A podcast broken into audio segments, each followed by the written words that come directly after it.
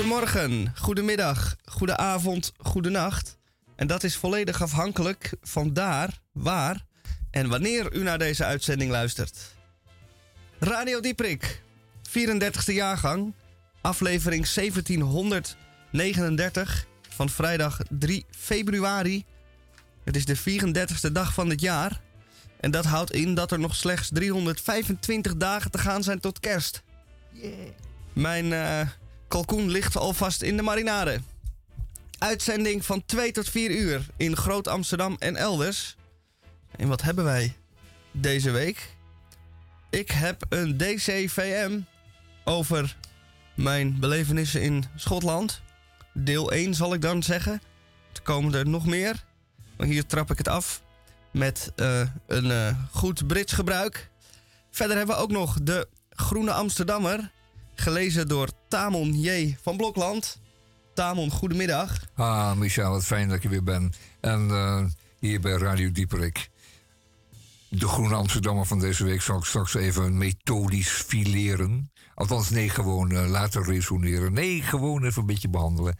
Uh, tien pagina's over de bijwerkingen, althans vermeende, althans vermoede bijwerkingen van het COVID-vaccin. En dan zijn er vier of vijf verschillende van geweest. En de combinaties en een enkeling daarvan bleek mogelijkerwijs problemen te veroorzaken. Tien pagina's erover. Gaat u het lezen? Ga ik het lezen? Dat is de hele grote vraag. Verder heb ik ook natuurlijk de nieuwe Amsterdammer nog voor u in vertaling. Dus we zullen zien wat het oplevert vanmiddag. Tot zo. Tot zo. En dan hebben wij ook nog in de uitzending Rosa Klamer. Hallo. Hallo, goedemiddag. Goedemiddag. En uh, ja. waar gaan wij het over hebben? Of waar ga jij het over hebben? We gaan het weer over een film hebben deze week. Ah. Ja. Ja, we zijn weer naar een film geweest, Micha en ik. Dus daar hebben we wel wat uh, meningen over. Uh, ik ga wat vertellen over wat voor leuke dingen dit weekend gaan gebeuren. Ik heb wat liedjes. Ja. Die ik uh, zelf heel leuk vind en ook wat te vertellen over heb. En ja, nog een, nog een ikje. Een, een verhaaltje. Ikje? Een ikje. Oh, oké. Okay. Een verhaaltje die ik had gelezen waar ik een beetje om moest huilen. Dus ik dacht, dat ga ik met jullie delen. Ja. Misschien dat jullie ook moeten huilen. Ja, dat zal wel heel mooi zijn. Ja. Emo-radio. Uh, Emo-radio. daar zitten we, uh, daar gaan we naar uitkijken. Verder hebben we ook nog de Krompraat onder de redactie van de mevrouw Weduwe D. Den Denderen Edelenbos. Dan zegt u maar Dora. En wellicht gaan we ook nog even op reis naar een onbevlekt stukje aarde. Als daar nog even tijd voor is. Dat uh, zullen we zien. En dan bij Radio Dieperik Eerst maar even dit.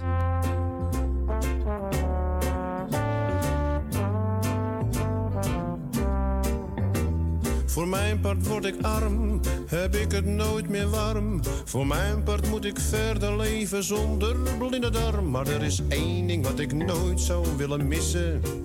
En dat is vissen.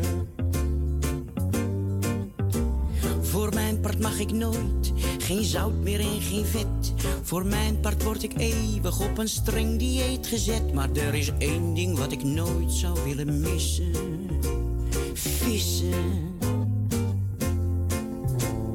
Je zoekt een fijne stek, je rolt je zware check. Al wat je hartje verlangt. De vogeltjes hoor je kwelen. De lammetjes zie je spelen. En het kan je in feite geen donder schelen of je wat vangt. Ik geef niet om bezit en niet om broodbeleg. Ik geef aan de liefdadigheid mijn laatste jutje weg. Maar er is één ding wat ik nooit zou kennen missen. Vissen. En ik leef ideaal, maar geeft het allemaal. Ik maak me niet meer druk als ik de laatste trein niet haal. Maar er is één ding wat ik nooit zou willen missen. Vissen. Ik hoef niet naar een brand of naar een interland. Ik zie het wel op de beeldbuis of ik lees het wel in de krant. Maar er is één ding wat ik nooit zou willen missen. Vissen. Zo'n brasem die daar zwemt, voor jou is voorbestemd, zonder dat hij het nog weet. Hij snuffelt eens aan je degen, je dobbertje gaat bewegen. De spanning is bijna ten top gestegen, want je hebt beet. Ik hoef geen bungalow, geen huis met patio. Het hele huwelijksleven krijg je zo van mijn cadeau. Maar er is één ding wat ik nooit zou willen missen. Eén ding wat ik nooit zou willen missen. Eén ding wat ik nooit zou willen missen. Vissen. Hebben jullie ooit een keer gevist? Gevist, ja zeker. Ja? Ja, Vond je dat leuk? ja, dat is wel leuk. Oh, dat is wel leuk. Ja, weet je wat het namelijk is? En dat zeggen zij ook. Het kan je geen donder schelen of je wat vangt. Maar je bent er hartstikke vroeg op. Op een hele mooie voorjaars- of zomerdag. Echt werkelijk belachelijk vroeg. Vier uur of zo. En, en je wordt wakker met, het, met de wereld om je heen. En dan ga je ehm, een, een bootje huren ergens eh, bij de plas. En daar tref je dan een slaperig kereltje. En die, die waait achter het raam. Zo van: neem maar mee, neem maar mee, komt allemaal wel straks. En dan ben je, zet je om, om vijf uur eh, op een doodstil watertje. Ergens in een hoekje tussen het riet. En dan, eh, dan, dan is het allemaal geluk. Happiness. Het, het is eigenlijk gewoon niksen, maar dan met een doel. Niks met een vaag doel. Ja. Vaag doel. En dan, en dan kun je zeggen van nou, ik ga heel fanatiek die vis vangen. Die hengel ik eruit. Maar je kan ook zeggen, maar weet je wat, ik doe er gewoon een bescheiden balletje deeg aan. Een raakje. En als die vis trek heeft, ja, dan wens ik hem veel succes. Maar als hij geen trek heeft, ja. Maar denk je dat dit liedje, dat ze dat meenden? Dat ze echt vissen zo leuk vonden? Of Ja. denk je dat het een beetje een grapje is? Nee, nee, ik denk dat het echt zo veel Oh, want ik dacht eigenlijk dat het een beetje een grapje was. Maar Nee. dat is misschien voor iemand die denkt dat vissen een beetje Nee, saai wat is. ik probeer te beschrijven is dat dat, dat, dat precies het gevoel is. En dat je dan inderdaad zit te niksen. Maar ja, je zit niet te niksen. Want eh, ik kan me nog herinneren dat ik door een sloot voer met dat bootje heel zacht, zachtkens. En dat ik opeens een joekel van een snoek zag staan. En die beesten, dat zijn roofvissen. Het ding was van een meter lang. En die stond doodstil net boven de bodem tussen de, de, de waterplanten. Dat, ehm, dat kan je dus nooit ergens anders zien. Dat kan je ook nooit meer meemaken. Dat zal je nooit meer gebeuren, want die mensen zijn zo weg. Dus, dus dat toeval dat ik dat zag en daarvan kon genieten, kun je dus nooit meer herhalen. Dat is wat vissen is. Ja, oké. En dan hoeft het beest niet uit het water gehengeld te worden hoor. Ja, als het gebeurt, dan, eh, dan heb je wat. Maar als het niet gebeurt. Ja, dat is waar. Ja, ik dacht eigenlijk dat jullie gingen zeggen dat jullie vissen ook een beetje saai zouden vinden. Maar nee dus. Nou, ik, ben, eh, ik heb het misschien dan nooit op de juiste manier gedaan. Maar die anderhalve keer dat ik het gedaan heb. Anderhalve keer? Daar ben ik benieuwd naar. Ja, zoiets. Misschien was het. eh, Wat was de halve keer dan? Nou ja, dat, dat ik het dus eh, eh, eigenlijk niet lang genoeg volhoud om ervan te genieten. Ah, Ik op een te vroeg moment al dacht, weet je, ik geloof het wel. Maar ik was toen ook een stuk jonger. En toen dan ben je ook nog een stuk energieker. En dan denk je, ik kan ook op een wipkip of van de glijbaan. Wat doe ik hier? Misschien moet ik nu dat ik wat ouder en in al het geheel wat eh, vermoeider eh, van het hele leven ben. Misschien is dit een beter eh, moment om het nog eens te proberen, het ja, vissen. ik wil net zeggen, misschien moet ik het ook een keer proberen zonder dat ik eh er allemaal al een mening over heb. Dat is zeker een goed idee. Ja. We gaan eh, met z'n allen vissen. En dan gaan we het daar eh, uitgebreid over hebben in een volgende uitzending. Ja, een visrecensie. De visrecensie. Heb ik nog nooit gehoord op de radio. Ik ook niet. Ik vind het Laten we maar eens even proberen. Heel Ga. goed.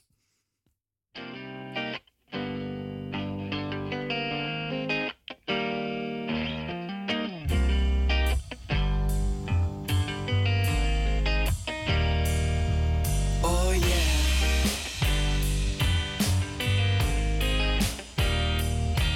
Alright.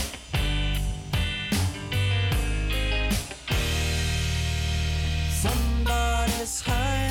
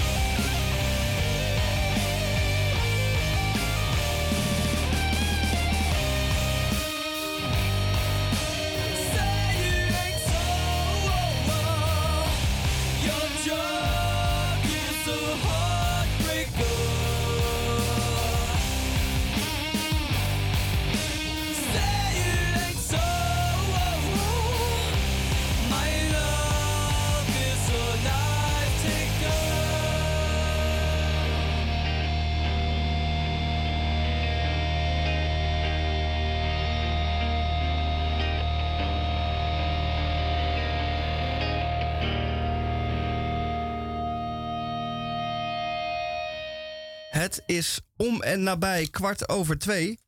En dan bent u van ons gewend de sonore stem van Tamon J. van Blokland te horen. Die niet één, maar liefst twee weekbladen voor zich heeft. En eh, deze beide voor u nu gaat analyseren. Oh, dat lijkt me wat eh, ruim gesteld. Dat kan ik helemaal niet. Ik kan alleen maar even aangeven wat het aardigste is eh, van, eh, van deze twee bladen in deze week.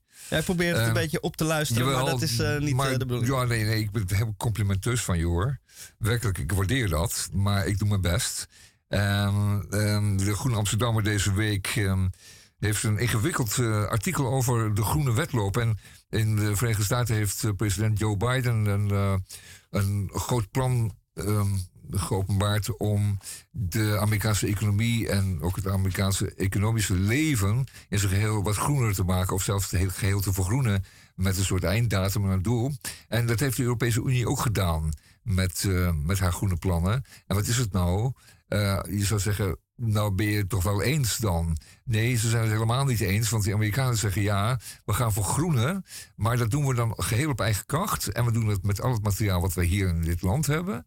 En eh, met alle eh, fabrieken en technologie. En we gaan het zeker niet delen met iemand anders, maar we doen het helemaal op eigen kracht. En dan zegt de Europese Unie, ja, maar we, we zouden het toch met z'n allen doen. Nee, zeggen die Amerikanen, dat is niet iets wat wij gaan doen, omdat wij het anders nooit voor elkaar krijgen bij de Amerikaan om te vergroenen. Als die, die, die kunnen we niet dwingen om een, om een truck te kopen, een Ford pick-up truck met, ehm, die in China wordt gemaakt. Dat zullen we hier moeten maken. En ook die batterij die daarin moet, die zullen we hier moeten maken met de materialen en de technologie van onszelf. Nou ja, dat laat zich niet zo eh, makkelijk combineren natuurlijk, begrijpt u wel. Lees dat in de Groene Amsterdam van deze week. Ehm, dan eh, een stuk over eh, de Raad voor de Rechtspraak. Nou, dat is iets voor geïnteresseerden. Het gaat natuurlijk over de enorme werkdruk van eh, de rechterlijke macht en van de mensen die daar werken. En de problemen die ze daar tegenkomen. En hoe het anders moet, mag. Dan eh, iets irritants. Eh, sorry, ze maken er zelf ook een, een, een, dat, een voorbehoud bij. Eh, Xandra Schutte schrijft in, hoofd, in, het, in het commentaar, het hoofd, redactioneel eh, commentaar daarover dat ze zich ook wel een beetje geneert. Maar het is een stuk van tien pagina's, vol bedrukt over de eventuele vermoedelijke en mogelijke bijwerkingen van de mRNA en IMRA-vaccins die wij hebben gekregen bij en ten tijde van de COVID-epidemie, die God zij hemelgedankt achter ons ligt en waar we het niet meer over zouden willen hebben. We hebben zelfs eh, twee jaar lang hier bij Radio Dieperik het woord COVID niet uitgesproken. Weet je het nog? We hebben het genoemd eh, van alles, maar behalve dat. We hebben het echt proberen te vermijden. En het onderwerp Zeker. heeft niet gespeeld bij ons. De Radio Dieperik is gewoon doorgegaan. Maar heeft wel zijn prikjes gehad. En eh, tien pagina's over... ja, dat die bij- bijwerkingen er zijn of mogelijk zouden kunnen zijn... ligt een klein beetje voor de hand. Statistisch gesproken zou het ook zo moeten zijn. Het is een tamelijk ingrijpend en sterk eh, eh, vaccin geweest... wat we hebben gekregen. Het diende ertoe om eh, COVID voor eens en voor altijd uit te roeien bij ons. En dat gaat niet met zachte hand natuurlijk, dat begrijp ik wel. En miljoenen mensen hebben dat vaccin gekregen. Dus gegarandeerd dat er een, een tiende promiel of misschien minder... daar bij, naar bijwerking of dergelijke van overhield of overgehouden heeft. En, maar tien pagina's in de Groene Amsterdammer, jongens, dat is toch wel onvertoond. Onvertoond. En niet om door te komen natuurlijk ook een keer. Laten we wel wezen. Roald Dahl, ehm, in, de, in de Nieuwe Amsterdammer... eh, hier, ook wel de New Yorker genoemd, maar wij noemen hem maar voorlopig omdat we hier in Amsterdam zijn. De Nieuwe Amsterdammer stond al een uitstekend stuk over Roald Dahl. De man is eh, alweer enige tijd dood, maar een hele bijzondere figuur die ook weer in Amerikaanse ogen zeer controversieel was, omdat hij van die echte Britse antisemitische uitspraken had gedaan. Het is echt, wat dat betreft ook echt een rotzak. Het was een echte pestkop die heel veel gepest is in zijn eigen, in zijn eigen studietijd, althans zijn eh, schooltijd. En eh, de vaardigheid daarin heeft overgehouden om ook ons nadien heel erg lang en gedurende zijn hele leven te pesten met van alles. En wat hij deed, was mensen grotelijks op de kast krijgen. ehm, door eh, dit soort uitspraken te doen. Ja, die waren natuurlijk antisemitische. eh, het waren gewoon eh, kort door de bocht. En dat, doen die Britten, dat, zo zijn ze ook. Zeker de Britten die zich onaantastbaar voelt. En die niet ehm, eh, een boor wil zijn, vervelend of saai wil zijn. Die gaat dit soort dingen roepen.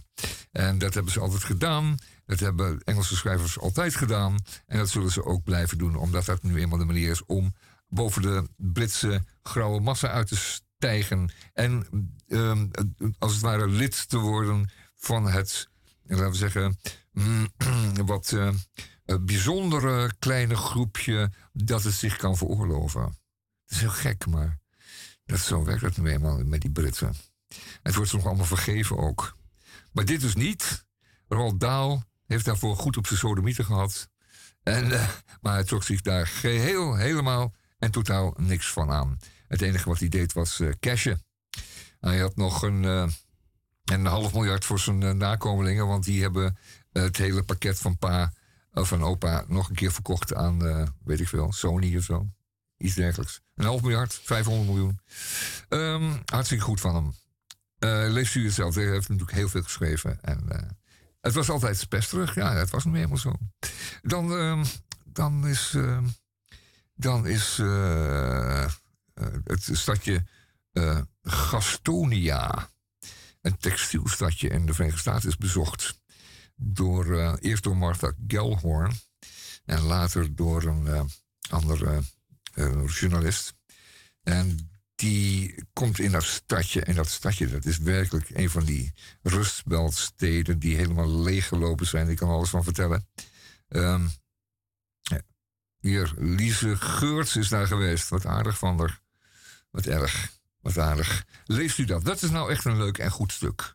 Ik zou zeggen, koop daar de Groene Amsterdammer voor. Dit weekend is. Lise Geurts, goed stuk. Freelancer. Over eh, het stadje Gastonia. Ergens zo op het randje van de Elpelachen, daar zo. eh, een echt rustbeltstadje. Met, al, met 117 textielfabrieken waren er ooit. En nu is er nog maar één. Van eh Goodyear, waar ze textiel maken voor autobanden. De smerigste en de laatste fabriek daar. Mensen zijn allemaal rete arm of ze zijn rijk. Er zit helemaal niks meer tussen. Dat is de groene van deze week. Ik eh, eindig hiermee. Eh, mooi dat ik er eh, iets van kon zeggen en mocht zeggen. Straks nog eventjes een stukje over de Nieuwe Amsterdammer.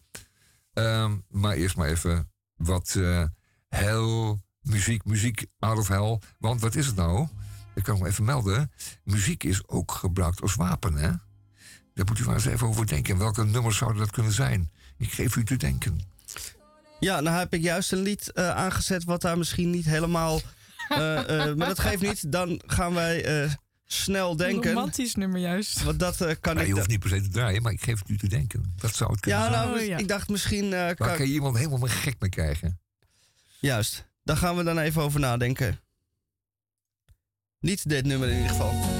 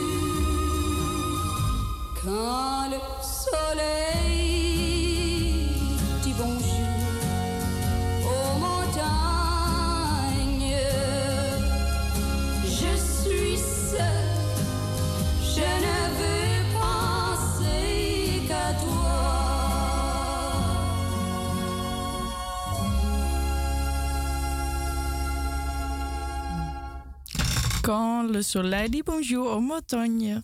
Zo'n mooi liedje. En het betekent de zon begroet met haar warmte de bergen. Ehm, toen ik dit hoorde, dat was eigenlijk vorige week voor het eerst. Toen kreeg ik weer die hele warme liefdegevoel voor bergen. Daarom had ik die even uitgekozen. Mooi. Je ziet het voor je hoe dat gaat. Ja, Want die zon kan zo prachtig ehm, de bergen beklimmen, hè? ja, En, en, en de schaduw in het dal zo oplossen. Eerst de puntjes en dan langzamerhand zo over die berghellingen naar beneden. Zodat de schaduw in het dal ook langzamerhand zon begint te krijgen. ja, zo mooi. Kijk. Lekker fijn als een liedje dat omschrijft dan. Mhm. Is zij Canadese? Weet we dat? Nee, Van oorsprong? weet ik niet. Kan, Frans, Frans-Canadees? Zou ik wel kunnen, want ze zingt ook Engels in dit nummer. Ja, dat ook natuurlijk. Ja, dat zie je Franses natuurlijk niet zo vlug doen. Nee. Oké. Zal Mooi ik nou ehm één verhaal eh, voorlezen? Ja, graag. Uit... Is het, eh, is het je Glasgow story? Ja, Oké, nou, dan, eh, dan kondig ik even aan. Ehm, voor u, dames en heren thuis, en over de hele wereld, ehm, het eerste deel van de Glasgow-trilogie. Ehm, allemaal geschreven, Naar aanleiding van een bezoek dat uh, Misha, onze Misha maakte aan deze Schotse stad. Onlangs. Ga je gang, Misha. Op mijn tweede dag in Glasgow wandel ik door de motregen over straat. Het Schotse ontbijt viel mij iets wat zwaar op de maag. Spek, eieren, brood, pannenkoek en extra bloedworst. Klinkt allemaal leuk en het was ook wel lekker, maar het contrast met de boterham met kaas bleek toch net iets te groot. Mijn reispartner en ik hebben besloten naar de kathedraal te lopen, die net iets buiten het centrum ligt. Maar helaas gaat deze op zondag pas later open. Niet getreurd, want op, het de naastgelegen heuvel ligt Europees grootste begraafplaats. Misschien niet het meest levendige uitje denkbaar, maar wellicht toch de moeite waard. Hoe hoger op de berg, hoe groter de grafwerken en hoe belangrijker de persoon dus. We zijn bijna boven en de bouwwerken die al hier te zien zijn, liggen er enorm bij. We zien de een na de andere megatombe. Mochten deze in Amsterdam gestaan hebben, zouden ze allang voor 1500 euro per maand verhuurd zijn. Baas boven baas is een 20 meter hoge obelisk. Helemaal op het puntje van de heuvel. Hier ligt een zakenman en weldoener die het loodje legde in 1887. En zijn vrienden hebben geld bijeengelegd voor dit megalomane grafmonument. Wij vinden het wel welletjes en maken de tocht terug naar beneden. Ik struikel nog bijna over een scheef gegroeide grafsteen van een Glasgonian van lager allooi. Omdat we even moeten bijkomen van alle emotie, besluiten we een local pub binnen te stappen. Ondanks het redelijk vroege tijdstip zit iedereen hier al aan de halve liters. Ik besluit een cola te nemen. Als ik om mij heen kijk, zie ik werkelijk overal schermen hangen. En op die schermen is sport te zien. Voornamelijk voetbal, maar ook paardenrennen. Een sport die mij in Nederland enigszins ontgaat, maar hier in Schotland helemaal levend is. Ik probeer een race te volgen. De paarden rennen en de jockey zit hoog op zijn zadel. Verder niet heel spannend, totdat een van de paarden niet helemaal juist over een obstakel springt en het jockey van zijn paard valt. Deze blijft op de baan liggen, maar het paard rent door. Omdat de race pas net begonnen is, moeten er nog veel wat rondjes gerend worden. En het paard zonder jockey doet dat vol overgave. Op zich best interessant om te zien dat zo'n paard zonder jockey prima kan racen. De vraag rijst: wat doet zo'n jockey eigenlijk? Behalve interviews geven en proberen niet van zijn paard te vallen. Het eenzame paard staat ondertussen op de eerste plaats, terwijl zijn jockey met loeiende sirenes wordt afgevoerd. Als het laatste rondje ingaat, is de voorsprong van dat paard aanzienlijk geworden. En oké, hij heeft niet de ballast van een mens op zijn rug, maar toch, je moet het maar doen. Zo zonder begeleiding. Met vlag en wimpel komt dat paard als eerste over de finish. Een overwinning voor alle paarden, renpaarden zou ik zo zeggen. Maar als ik dan de uitslag zie, zie ik dat paard nummer 9 gedisqualificeerd is. Dat vind ik oneerlijk. Eigenlijk had dit paard een medaille moeten krijgen. Mijn zegen heeft hij in ieder geval.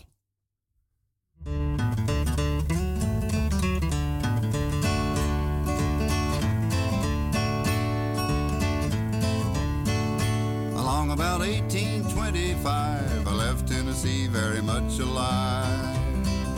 I never would have got through the Arkansas mud if I hadn't been riding on the Tennessee stud.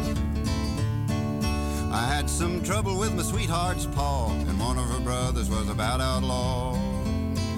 I sent her a letter by my Uncle Fudd, and I rode away on the Tennessee stud. The Tennessee stud was long and lean, the color of the sun, and his eyes were green. He had the nerve and he had the blood, and there never was a horse like the Tennessee stud.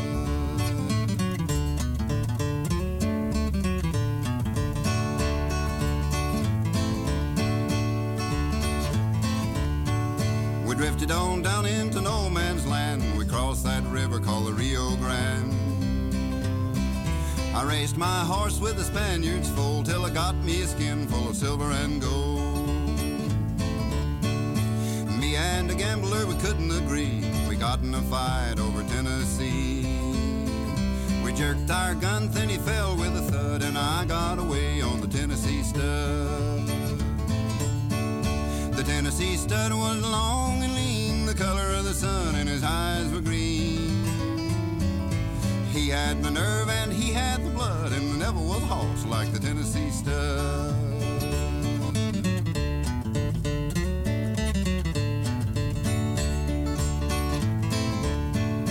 I got just as lonesome as a man can be, dreaming of my girl stud's green eyes turned blue, cause he was a dreaming of a sweetheart too.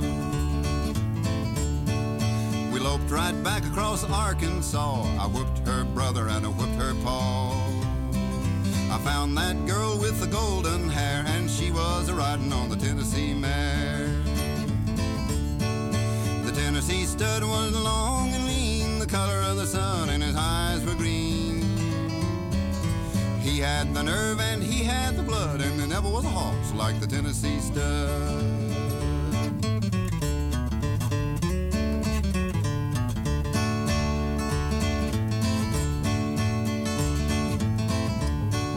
Stirrup to stirrup and side by side, we crossed the mountains and the valleys wide.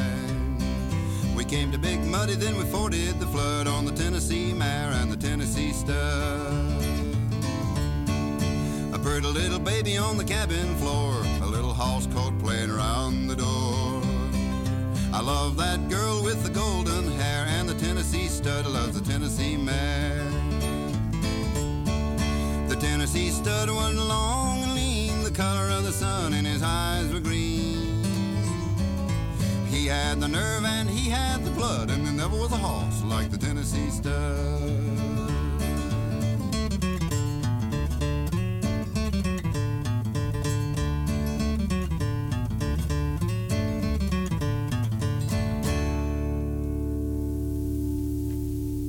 Doc Watson uit de categorie Alle 13 dood. Volgende week een nieuw verhaal over Glasgow. En het gaat ook over dieren. Over een ander diersoort, maar wel over dieren. Dus je, hebt, eh, je hebt nog niks opgelopen in het hotel of zo, dat je bedoelt, hè? eh, ik eh, verklap voel- nog niks. Nee, nee. Maar blijft u vooral gissen, dat, om de spanning een beetje op te bouwen. Er zijn van die hotels. ja, die zijn wat goedkoper. Maar je moet wel naar de arts daarna. Ehm, wel, Rosa, eh, je hebt een eh, platenkeus eh, deze week.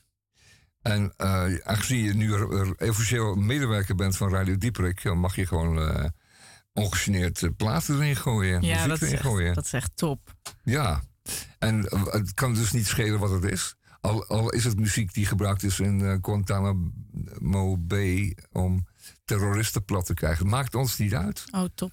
Of om met van die Somalische piraten uit het water te blazen. Daar heb je ook muziek voor. Fantastisch, hè? Dat je dat allemaal kunt gebruiken daarvoor. En wat zou het zijn dan, eh, Roos? Vertel. Welk nummer nu komt? Ja. Welke bloedklonterend middel, eh, muziekstuk? Oh, je bedoelt die ene wat als wapen gebruikt Nee, kan nee, worden? nee, nee. Jouw keus. Oh, mijn keus, mijn keus. Nou, ik heb nu een keus van Wilson Simonal, een Portugese. En ehm, de titel is Nem Fem Ken Nautem. En het, eh, eh, het eerste zinnetje wat hij zegt is... Kom vandaag niet met een vork, want vandaag eten we soep. Kijk.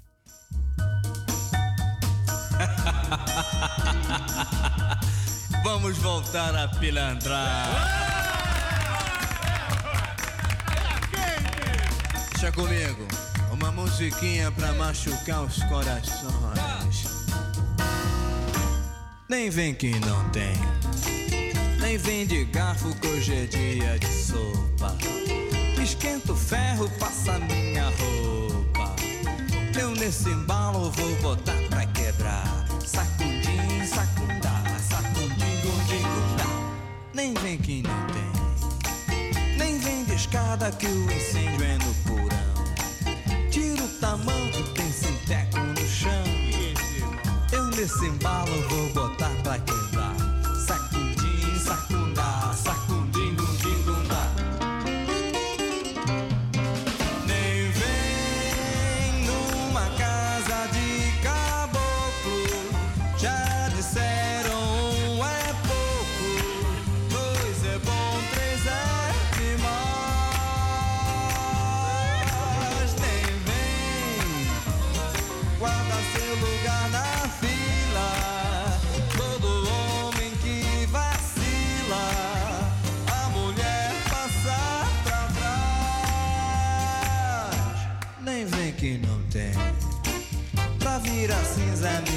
Brasa demora.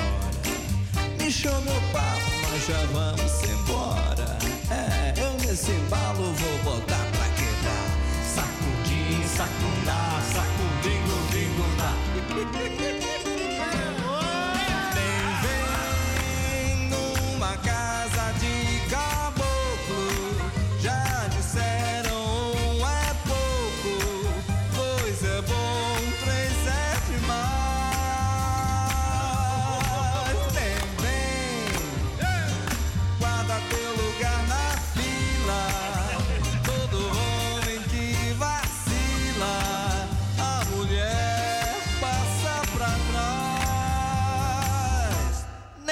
Nem vem que não tem.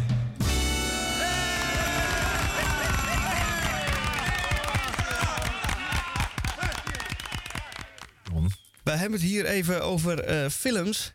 En wij gaan straks eh, ook nog uitgebreid onze mening geven over een film die wij eh, gezien hebben deze week. En met wij bedoel ik eh, Rosa en ik. Ja. Triangle of Sadness. En daar valt genoeg over te vertellen. Laat ik in eerste instantie vertellen dat deze film, evenals de film die we gezien hebben over die bergen, dat deze film ook meer dan 2,5 uur duurde. Ja, Dus dat was wederom een lange zit. wederom een lange zit. En zit er nog een pauze tussen, jongens? Nee, Nee, nee, niks nee. Ook niet. Nee, ik zag Michel heel erg snel eh, naar de wc achter. achter. Ja, je moet naar de play soms, hè? Ja, Moet je een beetje rekening mee houden. Maar ik vind 2,5 uur. Dat is toch wel lang, hè? Ja, dat vond ik ook voor deze film. En, was en niet waarom nodig. zou er... Want vroeger was er een soort eh, commerciële eh, noodzaak om een pauze te houden in de film. Want dan konden ze nog eventjes door de cola en de popcorn heen. Ehm mogelijkerwijs is die er niet meer. Maar eh, give me a break, jongen. 2,5 uur. Ja, ik snap het ook Normaal, niet. als je 2,5 uur achter je bureau gaat zitten... ga je toch ook tussendoor een kopje thee drinken? Even Ja, bij de koffieautomaat, even naar de play. Ja, heel vreemd. Ja, want dan hebben we ook een biertje besteld.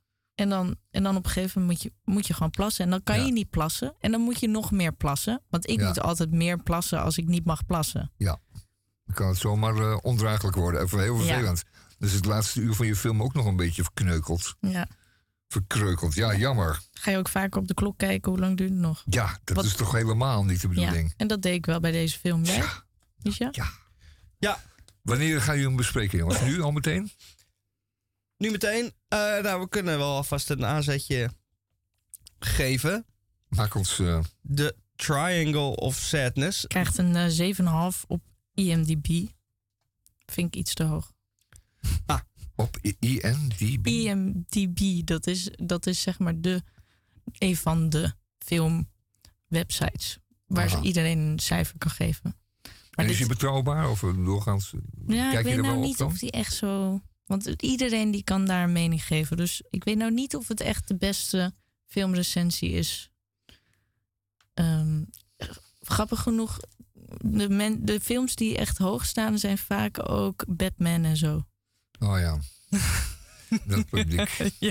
Ja, Dus dat is wel een heel ander publiek, hè? ja, Die laat zich ook makkelijk in de luren leggen door de film. Ja. En als je dan een beetje kritischer bent, dan kom je daar niet aan. Nee. denk je, ja, het is allemaal leuk entertainment, maar ik ga er niet voor zitten.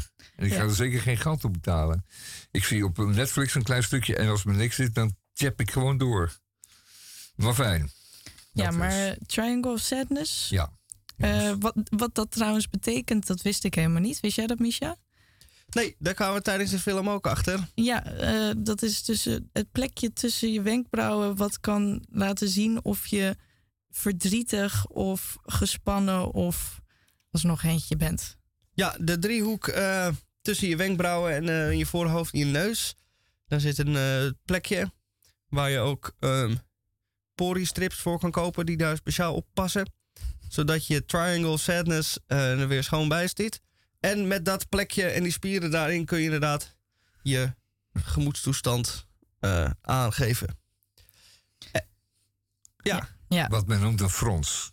een frons. ja. Ah, En in de film eigenlijk wordt er meteen in het begin daar eh, iets over gezegd. Want je ziet namelijk een model, een mannelijk fotomodel die auditie komt doen ergens. En een van de eh, mensen die hem, eh, bij hem de auditie afneemt, die zegt iets over zijn Triangle of Sadness. En dan word je eigenlijk de film ingebracht. En in eerste instantie dacht ik, ah, dit gaat dan over het lege leven van modellen die veel geld verdienen. Want hij eh, en zijn vriendin, die ook model is, die, eh, dat zijn de hoofdpersonen. En die, eh, eh, die openen de film eigenlijk met een ruzie over geld. En dat zijn eh wissewasjes waarvan je denkt, ja, hier, eh, dit gaat dus eigenlijk nergens over. Terwijl zij het zelf eh, enorm belangrijk vinden en op hoog opnemen. Ja. Ja, ik, ik, ik toen, bij het begin dacht ik, oh nee, wordt dit zo'n film wat opeens de hele tijd over rijke leventjes gaat. Daar heb ik nooit zoveel zin in. Nee, daar was ik ook bang voor dat het Ja. daarover zou gaan. Ja, Daar ging het eigenlijk ook wel een beetje over, de hele film. Maar Nou, vertel. op een andere, in een andere omhulsel opeens. ja nou, want eh, de film bestaat uit drie delen. Dat Vier, geloof ik. Oké, ja, er was een part 1, 2 en 3. Was er geen vier? Nee, heb ik niet gezien. Oh, dan heb ik het fout. Ja, Ik zeg niks. ik denk dat eh, part 4 de, eh, het nadenken achteraf eh, is. en eh, in eh, part 2, dat, ehm, de, de hoofdmoot van de film, gaan deze twee eh, eh, modellen met hun rijke leven, influencers zijn ze ook nog, gaan zij eh, gratis, want dat krijg je als influencer, krijg je alles gratis, krijgen zij toegang tot een luxury cruise. En daar gaan ze dan zitten. En daar gaat het ook eigenlijk weer verder. de nietzige, eh nietzige verhalen over het rijke leven. Want dan zitten ze dan in de eetzaal aan de tafel. En dan moeten ze aanhoren waar wie eh, de alle andere gasten hun geld mee verdiend hebben. Voordat, voordat ze een foto liep maken van eh, een soort van half pasta eten. eh, zodat ze dat op Instagram kan posten. En dan daarna legt ze het weg. Dat is nog wel belangrijk. Dat is zeker belangrijk. Wat Ja, influencers zeker weten doen. Doen wordt- alsof ze lekker eten en dan daarna, oh nee, nee. ja nou, er wordt gevraagd: ga je je pasta nog opeten? Nee, want ik ben eh glutenintolerant. Maar ze heeft dan wel diezelfde pasta voor de hoofd gehangen voor de foto. Dus eh, om de, aan te geven dat de realiteit van die foto eh, en dat die foto dat dat vaak eh, wel eens uit elkaar kan liggen. Goed, ik zie dat onze publiek hier in de zaal een beetje afdwaalt. Dus die film op dat cruiseschip, alle rijke mensen die zeuren over wisselwasjes, dat loopt uit de hand, want de cruise komt in eh, zwaar weer terecht. En dus de gasten laten dan hun eh, echte menselijke kant zien. En dat moet je heel eh, letterlijk nemen. Namelijk de lichamelijke ongemakken die je eh, ervaart wanneer een schip van links naar rechts eh, schudt. En als je dat niet gewend bent, dan is het moeilijk om je drie gangen diner in je maag te houden. hmm. Juist. Dat vond ik nou echt een van de sterkste scènes. Ja. Al die rijke mensen overgeven in een jacht. En dan iedereen, oh ja, sorry, ja, gaat het goed? Gaat het goed? En doen alsof er niks aan Ja. de hand is. Al die werknemers, oh ja, ben je oké? Wow, kwam weer een overgevende rijke stinkert. En dat werd allemaal goed getoond. In die zin dat je in detail zag hoe, al die, hoe die maaginhoud die monden verliet. En over de muren en de vloer spetterde. Over de Ja, tafel ging. precies dat. Ja. Zeker goed. Man, wat. Oké, dat, dat vergt toch wel even wat van de kijker. Ja, Hoe is dat? Je hoeft je daar nauwelijks een geur bij voor te stellen, maar man, Nou, de wending. het eh, zicht alleen al. dat was mooi dat dat die kant op ging. Want eh, de cruise eh, begon in mooi weer. En iedereen is aan het eh, influencen en over geld aan het praten. En dat eh, loopt dan redelijk snel uit de hand. En eh, ik vond het eigenlijk wel een mooie wending van de film. En eh, het leuke vond ik ook, mooie eraan ook, dat dus een deel van de mensen enigszins in paniek raakt. En denken, wat moeten we nou? En dan dus de beschikbare live eh vests, de zwemvesten omdoet. En dan maar in de gang gaat zitten wachten op. Waarop eigenlijk? En dat En vond ik een wij, heel mooi beeld. Wij vonden eigenlijk dat het daar moest eindigen. Mhm. Op de helft van de film. Ja. Want dan was het een heel mooi sterk einde geweest. Dat vonden wij wel in ieder geval, ja. Ja. Wat, je bedoelt erop dat de mensen het eerst heel erg naar hun zin zijn- hebben. Mensen heel erg verwend en eh, hoe heet het, eh, verveeld zijn. Tot het moment dat het er werk toe doet. En dat zou je kunnen laten eindigen door ze ondergekotst Ja. met een zwemvest aan Ja. op de grond te laten zitten. Dan, Wachtend op het lot. En dan op, zie je ook dat op de er rest van de ellende. Die ongetwijfeld gaat komen. Want anders was het geen film natuurlijk. Ja. Nee, dat je je Rolex en je Ja, daar heb je weinig aan. Ja, Louis is Vuitton badpakje niet meer eh, niks waard is. Nee. Nee, helemaal Ja. geen spijker. Dat is altijd zo'n fijn beeld. Opeens dat, dat zo Ja. kwetsbaar rijke mensen neerleggen. En Mm. laten zien dat hun geld dan niks meer waard is. En dat Nee. ze dan geen power meer hebben. Nee, nee, ik kan daar niets aan veranderen. Ja. Mm, Daar heb ik ook straks nog iets over te zeggen. Maar goed, jongens, die film gaat door. En dan? Wat gebeurt er dan? ja, dan komt het gedeelte waar wij dachten... Ja, dat hoeft eigenlijk niet. nee. Hey, Ja, dat is part 3. En dat heet. eh, ja, kijk, het probleem dat we nu dan wel heel veel over de film eh, vertellen. Maar daar zijn we ook voor. Dus ik doe het gewoon. Part 3 heet The Island. Want dat schip eh, komt eh, in zwaar weer. En er komen ook nog eh, vrolijke snuiters die je daar in de Indische Oceaan eh, ronddobberen met andere intenties. Of met, eh, ja, fout, die eh, bemoeien zich ook nog met dat schip. En dat schip dat eh, komt dus eh, ten zinken. En een deel van de mensen die overleeft dat en eh, spoelt dan aan op een island. En dan zijn de rollen plots omgedraaid. Want daar zie je maar dat mensen die hun leven lang een rijk luisterleven hebben... als ze geen belletje meer hebben voor de bediening... dan weten ze eigenlijk helemaal niet meer wat ze moeten.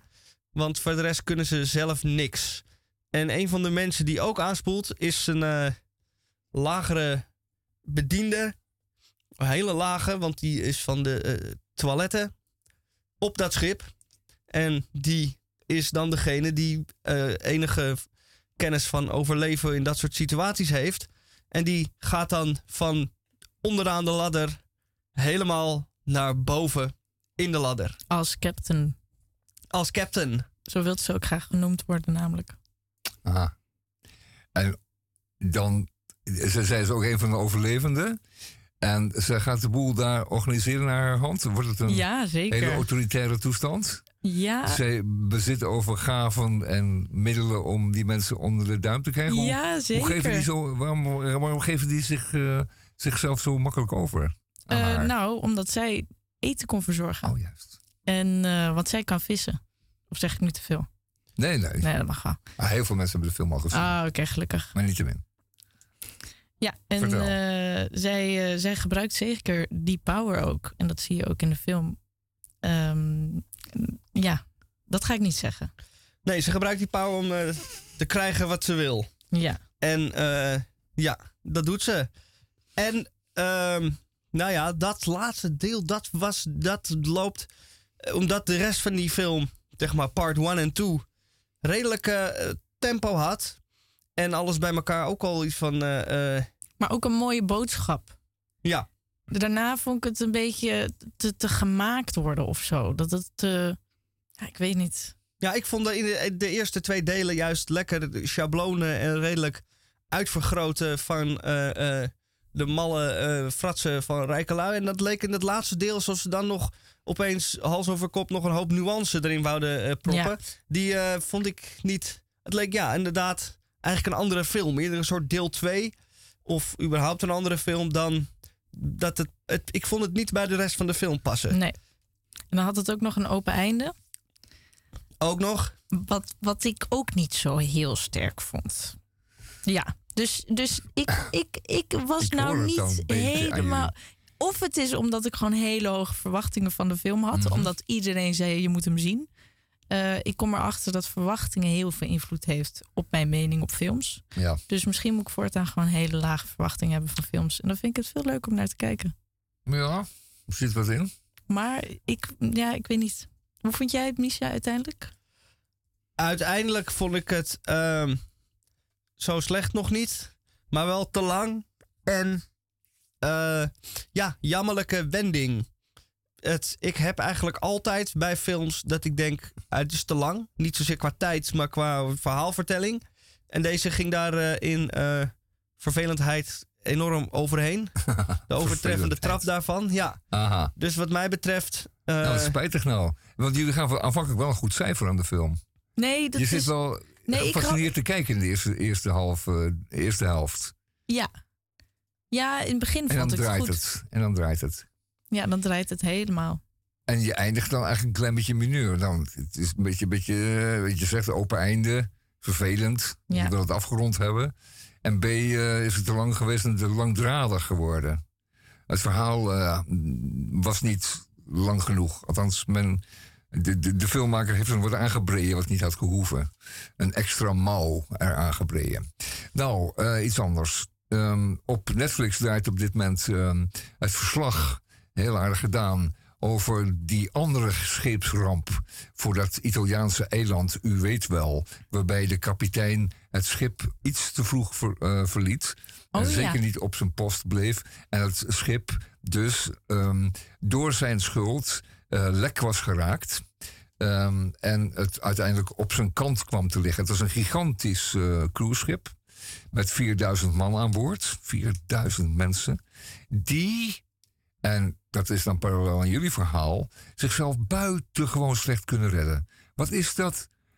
Man, ik zou eigenlijk daarom al nooit op een cruiseschip willen varen. Ik denk, je, je hebt 4000 mensen die gaan mij vreselijk in de weg lopen. Want die weten echt niet wat ze moeten doen als het een beetje tegen zit. En het zat een beetje tegen. Maar het duurde wel uren voordat het schip uiteindelijk op zijn kant lag. Dat we wel wezen. Het was niet een katskaboom en eh, zinken met die hap. Sterker nog, het is niet eens gezonken. Maar goed, er waren toch 50 mensen dood. Niet meer verzopen, zoals je dat eh, noemt. Maar die 4000 zaten elkaar wel en zichzelf vreselijk in de weg. Ja, maar pas, in chaos, pas daarvoor op. in chaos ik, ik vraag me af of we dan nog allemaal helder kunnen nadenken. Ja, Misschien een paar, maar als je, als je met zoveel mensen op elkaar zit, hoe, hoe organiseer je dat dan? Nou, het zou niet nodig moeten zijn en, eh, om het te organiseren. Mensen zouden van zichzelf, als het ware, een zelforganisatiedrang moeten hebben. Om ervoor te zorgen dat ze bijvoorbeeld niet elkaar zodanig verdringen bij de, eh, bij de reddingboten. dat er niemand meer in kan. Ja. Want dan is het gedrang zo groot dat daar door die enkele bemanningsleden die dan op een post zijn. Want dat was in dit geval ook heel erg tragisch dat die dus niet op een post waren. Er er geen, geen brood meer van te bakken. Van. Die waren niet in staat om die paniek en die, en die drangerigheid, die, die opgedrongen massa, om die keurig die boot in te leiden. Daar daar zijn dus eh, mensen onverhoopt toch eh, door verzopen. Maar de mensen die achteraan staan, die denken ik moet snel naar voren. Dus die duwen de mensen die voor hen Ja. zitten. En dan duwen die die voor hen zitten. En de Oh. mensen die vooraan zitten, die kunnen daar niks over zeggen, denk ik.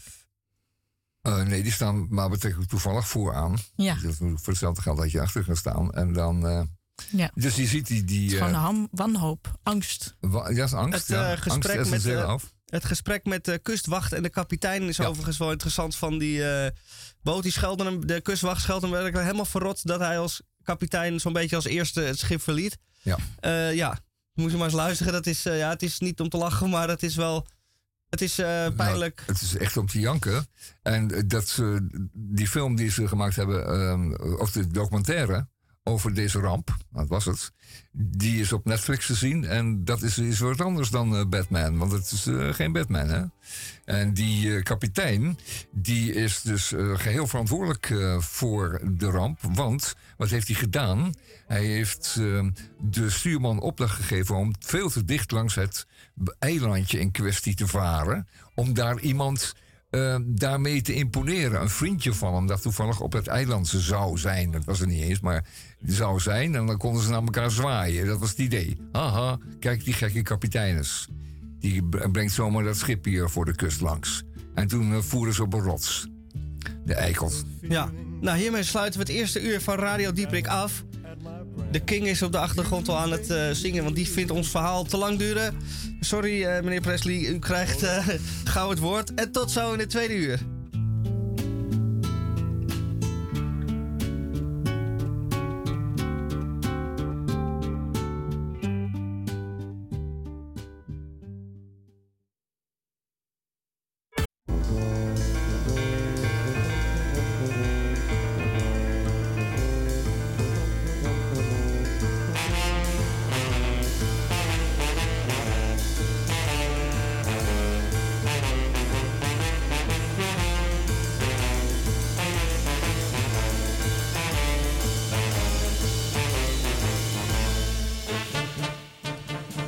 Goedemorgen, goedemiddag, goedenavond, goedenacht.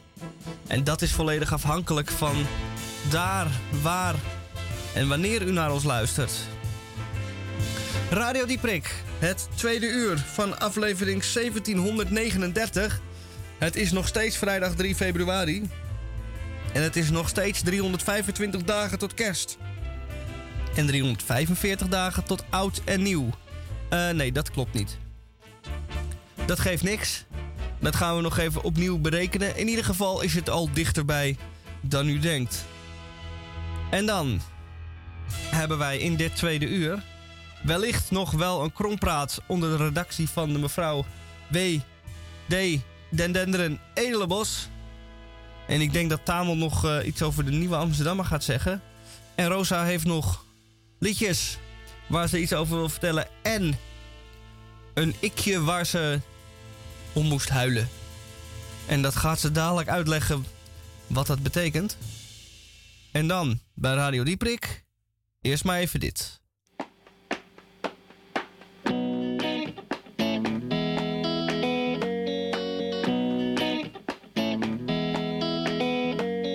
Hey, ik heb geen probleem, ik heb alles gefixt. Ik wou nog iets zeggen, maar ik weet niet meer, dan was het zeker niks. Dag is nog jong, ze trilt in de zon. Ik tel de echo's in het trappenhuis, ik hoor iemand zingen. Hey, ik wil alleen maar zwemmen. Hey, hey, de stad houdt zich dom. Ze tikt als een bom. En als je omkijkt, zie je net nog iets wat niemand had gezien. De stad kleedt zich uit. Ze zuipt als een bruid. Ik hoor haar zingen.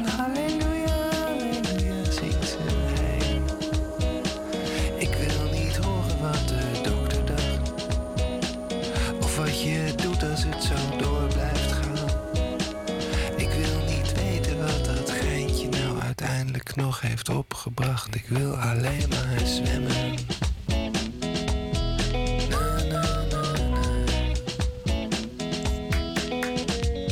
Hey, hey, ik heb geen probleem en ik vind niemand raar.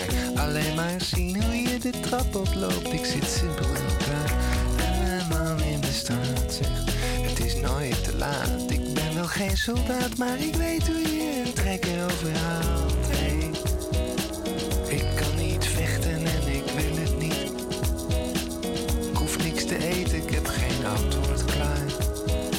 Ik heb ook geen plannen verder.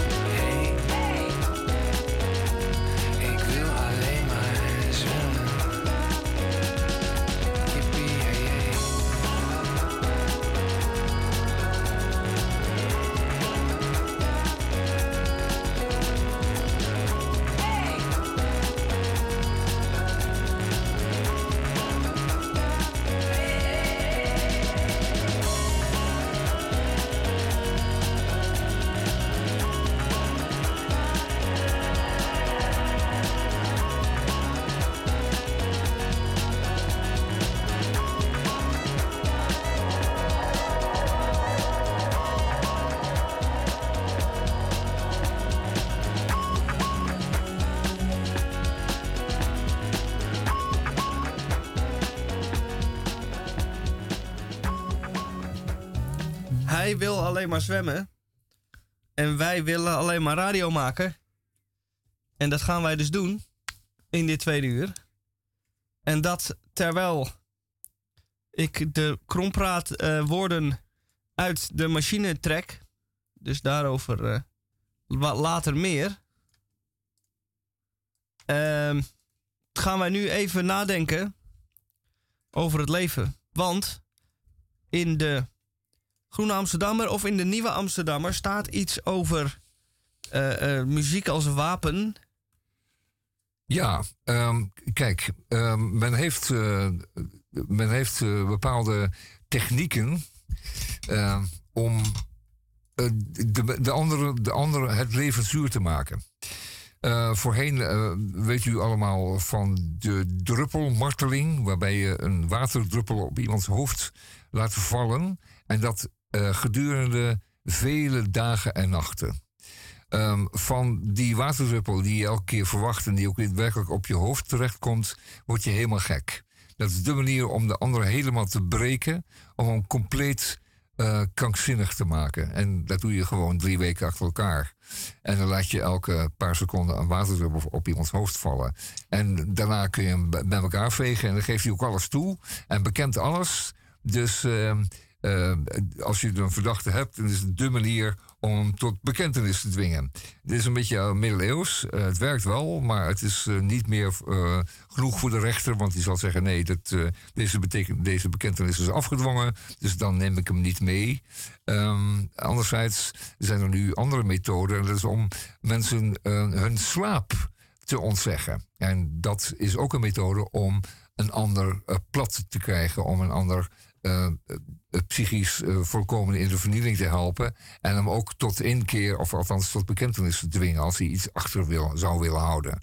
Ehm, en dat doet men dan door ehm, hem van geluid en lawaai te voorzien, zodat hij niet in slaap kan vallen. En dat zodanig hard en luid dat hij eh, het ook opgeeft. Dus je sluit iemand op en dan laat je hem gewoon urenlang, wat zeg ik dagenlang, wat zeg ik wekenlang keihard een bepaald nummer horen. Of eh, een aantal, eh, of een klein stukje daarvan, van zo'n nummer. En dan schijnt het ook eh, slopend te zijn voor, die, eh, arm, voor het arme slachtoffer of voor de verdachte. En een van die nummers eh, hebben we net gehoord. Dat eh, is het nummer, eh, hadden we net over. Eh, moet ik het weer even opzoeken waar het ook alweer stond. Maar eh, hier. Ehm, eh, eh, Don Giovanni van eh, Mozart. Wat denk je daarvan? Eh, Ja. Ja, Is ga dat, er maar eens. is dat zo kwellend? Ja, dat is heel erg kwellend als je dat aan één stuk hoort. En als je daar niet meer aan kunt onttrekken, dan wordt het een marteling. Een echte, een echte marteling. Is dat niet bijna bij elk nummer zo? Ja, dat is, dat is namelijk helemaal de vraag. En dat is een vraag die ik de luisteraar zou willen stellen. Denkt u dat eens in. Welk nummer zou u eh, na een keertje of vijf echt irritant... en na een keertje of tien echt eh, heel irritant... en na een keertje of duizend echt buitengewoon martelend vinden om te horen? Nou, de Waar je beste- echt niet meer kunt horen. Een betere vraag is: welk nummer vind je na een keer of duizend gehoord hebben nog steeds leuk? Ja, dat Ik is denk dat- dezelfde vraag. In feite is dat dezelfde vraag. Ja, maar met minder eh, Ja. antwoorden. Zou, die, zou dat ook bestaan, zo'n nummer? Voor Ja. u? Queen eh Bohemian Rhapsody staat dus al zo lang op, op top 1... dat ik op een gegeven moment ook een beetje denk van... ik hoef hem niet meer te horen. Nou, een beetje. Ik kan hem helemaal niet meer horen. De eerste, de, de eerste akkoorden al, dan knal ik hem al weg. Ja, gewoon te veel. Te Ja. vaak, dat zeg je dan. Ik heb hem het te vaak een gehoord. goed en dan- nummer is hoor. Ik, ik vind het wel echt, de eerste keer toen ik hem hoorde, was ik heel erg Ja, dat weet iedereen nog. Toen hij hem de eerste keer hoorde, was het inderdaad heel imponerend. En, eh en buitengewoon anders. Dat is wel interessant om het te horen. Maar nu, na zoveel jaar, dan vraag je ook af... kunnen mensen dat nog echt zo vaak nog zo lang horen? Of is dat ook helemaal ehm, ehm, ingebed in, eh, in het brein van de mensen... dat ze dat zou, goed zouden moeten vinden? Hebben ze nog een eigen mening daarover? Of mag je dat ook een keertje gewoon helemaal afwijzen? Ik wil het absoluut nooit meer horen. Ja, ik Nou. vind het wel tijd voor een nieuwe nummer 1 op de 2000. Toen, eh, toen eh, de Indische Oceaan werd geterroriseerd door Somalische piraten, hebben ze van alles geprobeerd om die eh, piraten op afstand te houden. En eh, die schepen eh, die het slachtoffer leken te worden van deze piraterij, die mochten zich niet bewapenen. Daar mochten, die mochten zich niet verdedigen, als het ware. Die moesten met waterslangen, moesten die. Met, met moesten die, die piraten van zich afhouden. Maar ja, die waren wel gewapend. Die mochten dat dan wel. Die hadden bazooka's eh, eh, en, en, eh, en kalasjnikovs. En die kwamen gewoon aan boord. Die enterden gewoon zo'n schip. En dan was de bemanning aan hen overgeleverd. En die eh, waren soms maanden in gevangenschap voordat die werden vrijgelaten door die piraten. En die maatschappijen betaalden dan niet. En losgeld kwam niet los. En ellende tot en met. Ehm, men heeft dat toen ook geprobeerd met, ehm, met muziek. Om heel luid eh, die piraten op afstand, met de luide muziek die piraten op afstand te houden. Dan zet je dus ook eh, muziek in als wapen. Maar dat vraag ik me dan af. Als je dan wel in staat bent om mensen te beschieten met een Kalashnikov. en er alles voor doet om de Rolex van de eh, luxe cruisegast af te stelen. Wat voor muziek moet je dan draaien dat dat soort mensen denken. Nou, hier beginnen we niet aan hoor. Laten we dit schip maar eh, voorbij varen. Ja, het kan, ze, het, kan ze blijkbaar zo ergeren. Of zo. eh, het kan blijkbaar zo irritant zijn om dat te moeten horen. En om. het- het- Iets wat ze dan helemaal tegenstaat. De Somalische piraten uit die streken eh, in Oost-Afrika. vaak moslims. En misschien moet je die wel bestoken met iets. ehm, wat hen volkomen tegenstaat. Iets inhoudelijks of eh, van een zodanige vorm dat ze daar echt niet dichtbij of dat ze het niet kunnen aanhoren. Ik vind het wel een hele mooie oorlogtechniek. Ik zou hopen dat we Ja. daar naartoe zouden kunnen gaan. Oorlog voeren met muziek. Ja, Dat lijkt me leuk. met irritant geluid. Daar komt het dan een beetje op neer. Want Oh ja, is ik, had lang meer geen- leuke liedjes in mijn hoofd gewoon. nou, die piraten die werden bestookt met het volgende nummer. Oeps, I did it again. Van Britney Spears. En eh, ik weet niet of we dat gaan... We hebben natuurlijk weinig last van eh, piraten hier op eh, Radio Dieperik. Maar niettemin, het kan op de, op de Piet Heinkade zomaar gebeuren. En dan hebben we in ieder geval een nummer paraat. Oeps, I did it again. Zouden we dan ook een muziek kunnen bedenken om kotsende Britten te weren? Dat we dat ergens bij Schiphol, of het beste eigenlijk al boven het kanaal, al ter gehore brengen. Ja. Dat ze eh, zo in opstand komen dat ze die piloot eh, dwingen om terug te vliegen of door te vliegen, dat mag ook. Maar dat ze in ieder geval niet hier landen. Ja, nou ja. Kan dat? Je zou het. Je zou, het, eh, je zou bijvoorbeeld op een zeker moment op de wallen kunnen draaien. tegen de tijd dat iedereen naar huis moet. Hè, omdat de, de, de bewoners van de wallen er wel een beetje genoeg van hebben. Een uurtje of elf zo 's avonds. Ze ook weer naar een bedje moeten omdat ze de volgende dag moeten werken. Dan draai je dan gewoon vijf keer of tien keer dat nummer achter elkaar. En dan hoop je dat, ze, dat het op zo'n manier werken Nou, dit, zal. dit zeg je nu trouwens. Maar Geen dat, idee. Dit, eh, deze techniek die passen ze al toe bij eh, concerten. Als er ergens een concert is van bijvoorbeeld eh, metal, een metalband. eh, en het concert is klaar, dan moet iedereen weg uit de zaal. Want er moet gedweld worden en zo. Maar eh, mensen hebben de neiging om te blijven hangen. Dus dan draaien ze ook keihard het tegenovergestelde van heavy metal. Zodat mensen denken, dit kunnen we niet aanhoren, laten we hier alsjeblieft weggaan. Bijvoorbeeld ehm, Don Giovanni. Of eh, Carmen van Bizet. Pra praten jullie nu expres over dit nummer heen? Ja, ik denk, laten we dit erachter even... Ja, het is dit nummer, ja. Oeps, zei dit again? Ja. Ja, ik was hier vroeger stiekem wel een beetje fan van. Goed, zeg ze heel kleintjes. Dus dat is eventjes gewoon duidelijk. Kom er maar vooruit. Ja, ja toen ik tienermeisje was, eh, vond ik dit wel een leuk nummer. Kijk. Maar nu je, Ja, maar dat is het effect dan waarschijnlijk. en nu je Ja, Somalische piraat effect. bent, vind je het geen leuk nummer meer. Nee, nee, kan ik het nu echt overgeven, ja. Laat het nog even horen dan.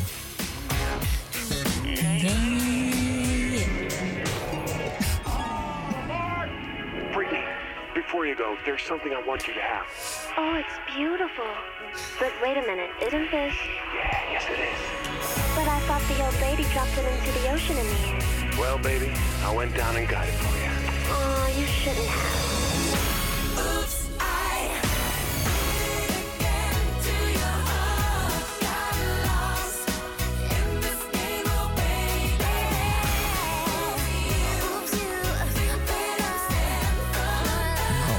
Voor. U bent eh Somalisch piraat en u, eh, u bent vervuld van allerlei slechte gedachten omtrent het schip dat u gaat eh, pirateren. En dan komt opeens dit geluid naar u toe. Kei en keihard, twee keer 6000 watt over u heen, een schipje heen denderen.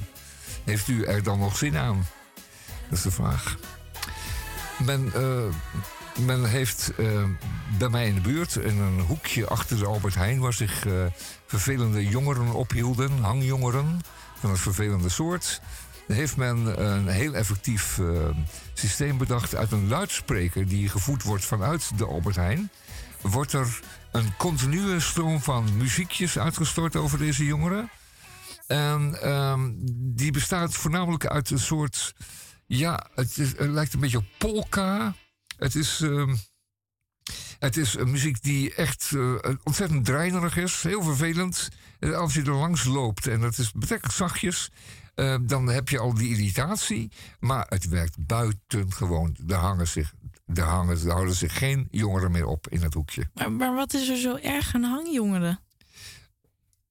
Nou, die blijven ver na sluitingstijd staan. En dan is het een hele vervelende confrontatie. Plus, zij, zij eh, waren vervelend. Ze maken er een enorme vieze puinhoop van. Daar, hangen zich, daar gaan dan ook weer eh zwervers omheen hangen. Oh ja. En eh, ja, dat, dat trekt Want- elkaar aan. want Ze wat- maken er een vieze puinhoop van. Ja, oké. Ze staan te spugen. Maar wat vinden jullie van heel die, vervelend. Wat vinden jullie van die bankjes die zo expres zijn gemaakt dat er zwervers niet meer op kunnen slapen? Oh ja, dus dat is dat verhaal. Ja. Ja. Ik vind Er eigenlijk. is nu een beweging gaande om die middenleuningjes eraf te slopen. Ja, Las ik in de krant, ja. Ik, ik vind eerlijk gezegd, mensen mogen best wel hangen. Ik, Eh, ik heb ja. er nooit zoveel last van, eerlijk Nee, gezegd. nee, nee, nee. Als je, als je het niet als bedreigend eh, ervaart. dan Nee, niet natuurlijk. Dus Je moet, Maar dat was in dit geval wel. En mensen maken er echt bezwaar tegen omdat ze sisten. En ze Oh. maakten vervelende opmerkingen tegen meisjes die langskwamen. Ze, Oh, ze ja. staan te spugen en te kwatten. Eh, er staan auto's met draaiende motoren en eh, dingen eromheen. S'avonds Oh, ja. laat nog. En Oh, alles zo erg, zo ja, erg. Ja, nee, maar dat, dat trekt het dus allemaal aan. oh ja. Ze gebruikten dus een beetje een hoofdkwartier. Dat is, eh, dat is de behoefte. Enfin, ehm, hier staat nog een eh, voorbeeld. Ehm, even kijken. Operamuziek. Ja, dat wordt dus al heel erg gevonden. En. ehm, heel fijn. Ehm, all, ja, dezelfde song. Ja, dezelfde. hetzelfde nummer, achter elkaar. Elke keer opnieuw. En eh, daarmee hou je dus eh, mensen dus echt, wekker, eh, echt weg. Ehm, studies have shown that the classical music is annoying. Opera is annoying. Ehm, nou ja, goed, dat is de vraag. Hoe lang dan? Hetzelfde nummer achter elkaar? Ja, dat zal het wel zijn, hè? Misschien moeten we een keer een radio-uitzending gewoon alleen één nummer laten afspelen en het uitproberen. Ja, dat is een hele goeie. Dat, ga- dat wil ik een keer proberen. Maar nou wil ik ook eigenlijk wel even horen wat de Barney-theme is. Want die werd eh, afgespeeld op, eh, eh, op, op plekken van die geheime gevangenissen... waar ze dan Irakiërs hadden opgesloten. Ja, de Barney Team komt uit een televisieserie, een kinderserie. Ja. En Barney is een roze eh, Dinosaurus, ja! Oh, kijk oh, dit eens. liedje ken ik. Oh, kijk, Oh, daar even. Heb jij in de gevangenis gezeten? de Barney-theme. Ja, Wat is horen dan? Ik ben helemaal niet... Nou, als eh, mijn Spotify. Spotify weer eh, kuren heeft, dan I love you, you love me. We are a happy family with a great big heart. And a special... Na, na, na. Zoiets. Of is het iets heel anders?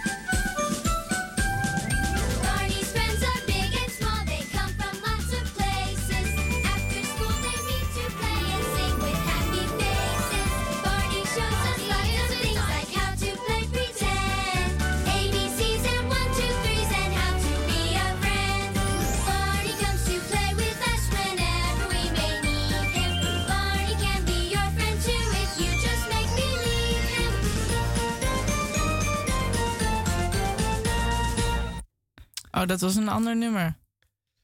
Dat was Deze een- was veel erger. dan die jij kent. Dit, dit, was was Ja. dit erger of was die dit ander was, erger? Dit was veel erger. Dit, is, dit zou ik ook niet op repeat willen horen. Nee. Vooral als ik een crimineel ben. Ja, als ik crimineel heb, hele, hele slechte gedachten. En die, die, die worden dan helemaal vervangen voor door dit eh, meisje, door dit kinderkoor. Laten we dan iets anders En, draaien. en wat- langzamerhand begint je natuurlijk je, je hersenen beginnen te koken. Dan kun je op wachten.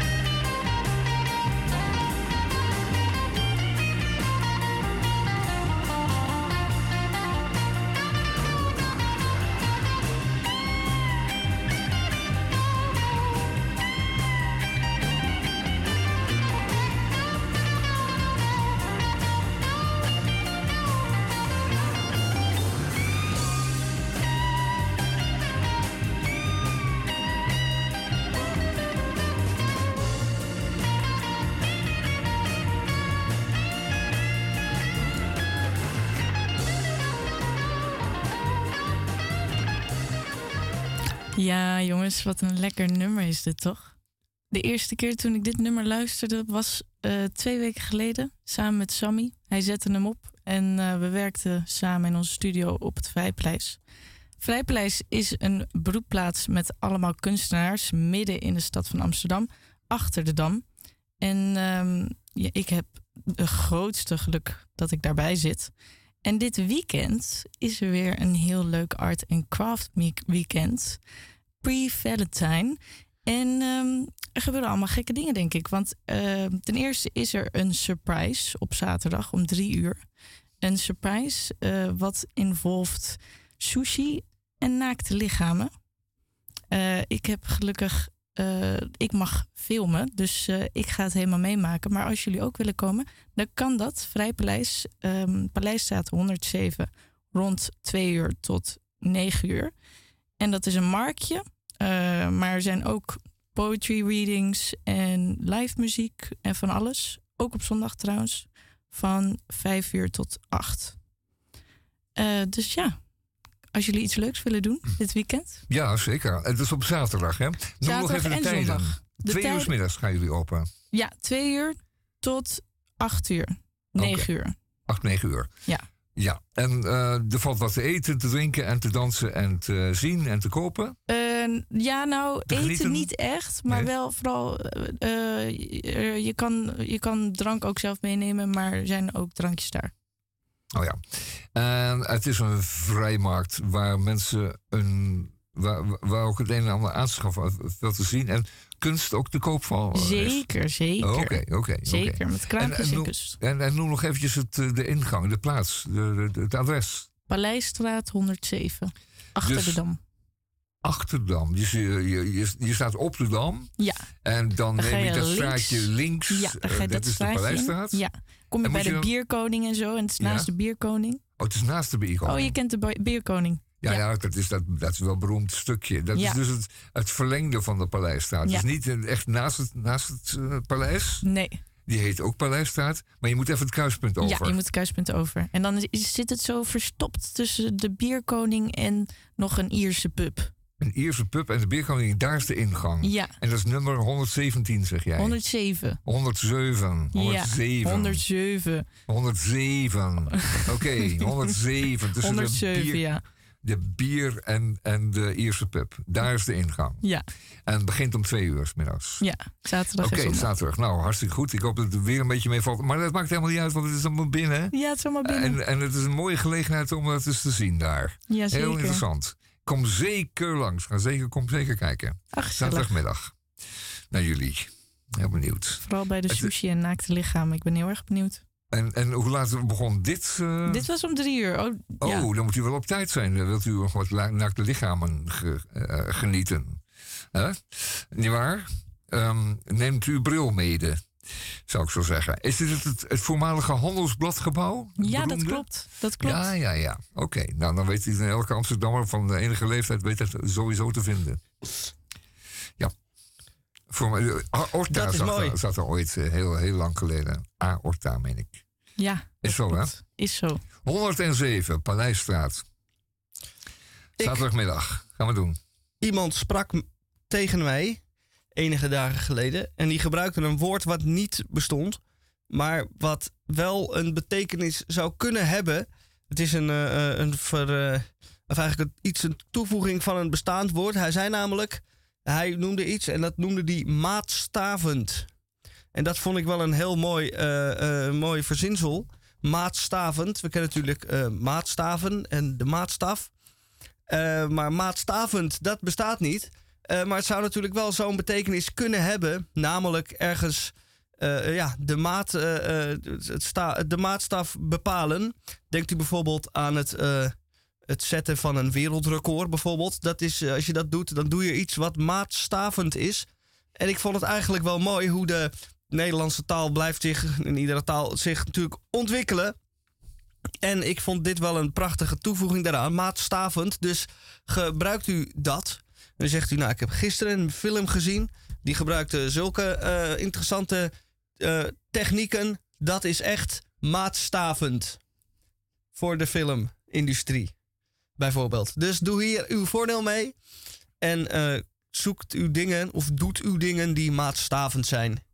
Nou, nou als, het, als het iets is wat, eh, wat, wat, eh, wat meer mensen eh, accepteren, of wat handig vinden om te gebruiken, en gaan gebruiken in teksten, dan heb ik het weer, dan zou het eventueel ook in de, in de taal, in de officiële lijst van de Nederlandse taal kunnen verschijnen.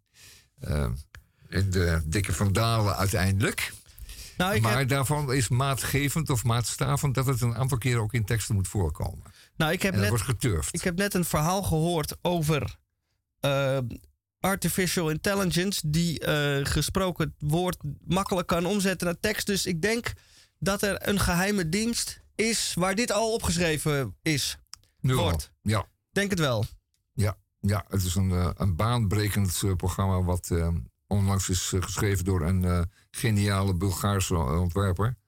En eh, dat, die is in staat om op, op, eh, op simpele wijze, met behulp van eh, kunstmatige intelligentie, eh, al het gesproken woord om te zetten in eh, geschreven taal. En dat betekent dat het allemaal en steeds meer eh, automatisch zal gaan. Dat ook deze woorden uitgesproken nu eh, in deze microfoon, in dit radioprogramma, ook gewoon straks op schrift zijn. En, eh, wat heel belangrijk is, daardoor doorzoekbaar zijn. Dus ook voor, eeuwen, voor de eeuwigheid zijn vastgelegd. En, eh, en dat betekent eh, dat als jij eh, een keertje vergist of een keertje een uitspraak doet, dat het ook voor eeuwig wordt vastgelegd en doorzoekbaar is. Dan komt de KGB en die kan twintig jaar terug eh, die teksten doorzoeken. En dan ga je alsnog eh, voor de bijl.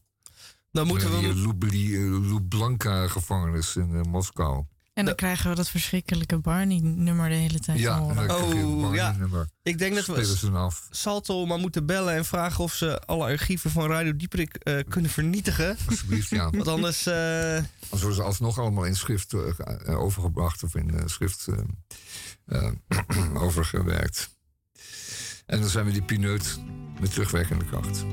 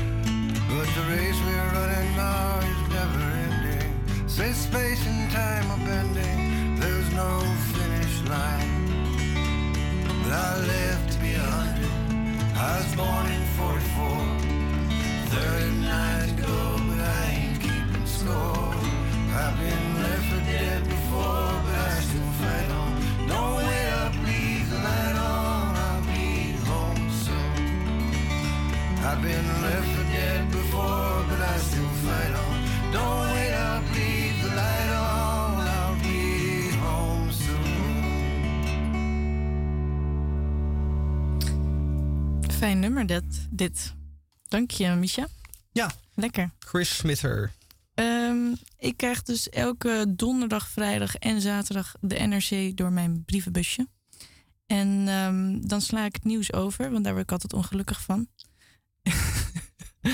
en ehm, dan, dan lees ik kunst en wetenschap, want dat vind ik altijd leuk.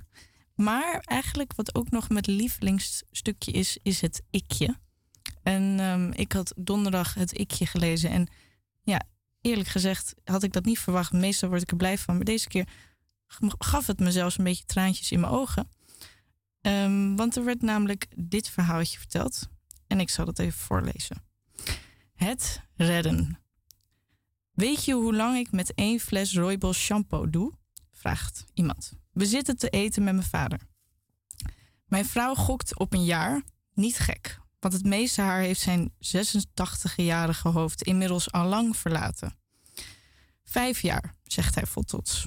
En hij vertelt dat hij vandaag nieuwe shampoo gekocht heeft, omdat de oude op was. Hoeveel flessen denk je dat ik heb gekocht?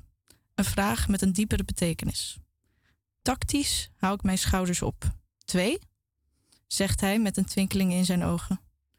Daarmee moet ik het redden. Ehm, ik weet niet of ik het echt duidelijk heb gezegd, maar het gaat dus over iemand die 86 is en. eh, of begrepen jullie hem? Jullie begrepen hem? Oké. Ja. Ja. Ja, ik Dat moest er een, eh, stiekem een beetje om huilen, omdat ik, ik heb iets met ouderdom. Dat, dat je langzamerhand weet dat de dood dichterbij komt. Mhm. En ehm, ja, ik vind dat dat, altijd echt, echt wat. wel dat één fles shampoo meer dan genoeg is. Ja, dat je dat En- realiseert. Ja, dat het voor tien jaar shampoo in huis halen een beetje onzin is. Ja, En eh, op een gegeven moment krijg je dat natuurlijk met toiletrollen ook. Je denkt van 32 rollen. Dat is wel een beetje eh, erg optimistisch. Zal ik er maar zes doen dan? Kijken of dat lukt. Nou, ik eh, heb de, zoiets iemand laatst ook horen zeggen. Dat ging dan over eh, de gemeente Amsterdam is van plan om voor 2030 dit en dat, zus en zo. En toen zei diegene een beetje cynisch, nou ja, dat haal ik toch niet meer. Met andere woorden, het zal mij eh, tijd wel duren. ja. Nou ja, dat geeft ook eh, zo zijn voordelen. Dat je denkt, deze misère blijft mij toch eh, wel bespaard. Ja, ik neem aan dat je jarenlang fijn in je auto hebt gereden. en dat je hoort dat eh, de gemeente Amsterdam in dit geval opnieuw eh, van plan is om alle brandstofauto's eh, uit de markt te halen. Of die tot de toegang tot de stad te verbieden. Daar geen parkeervergunningen meer voor af te geven, bijvoorbeeld. En dat je zult moeten gaan nadenken over een ander soortig automobiel. Dat draait op elektra of iets anders. En ehm, mm, dan kun je ook bedenken van, ja, dat gaat mijn tijd wel duren. Dit ga ik niet meer meemaken. Over tien jaar, met een beetje mazzel haal ik dat dus helemaal niet. Zelfs met een beetje mazzel haal ik dat niet.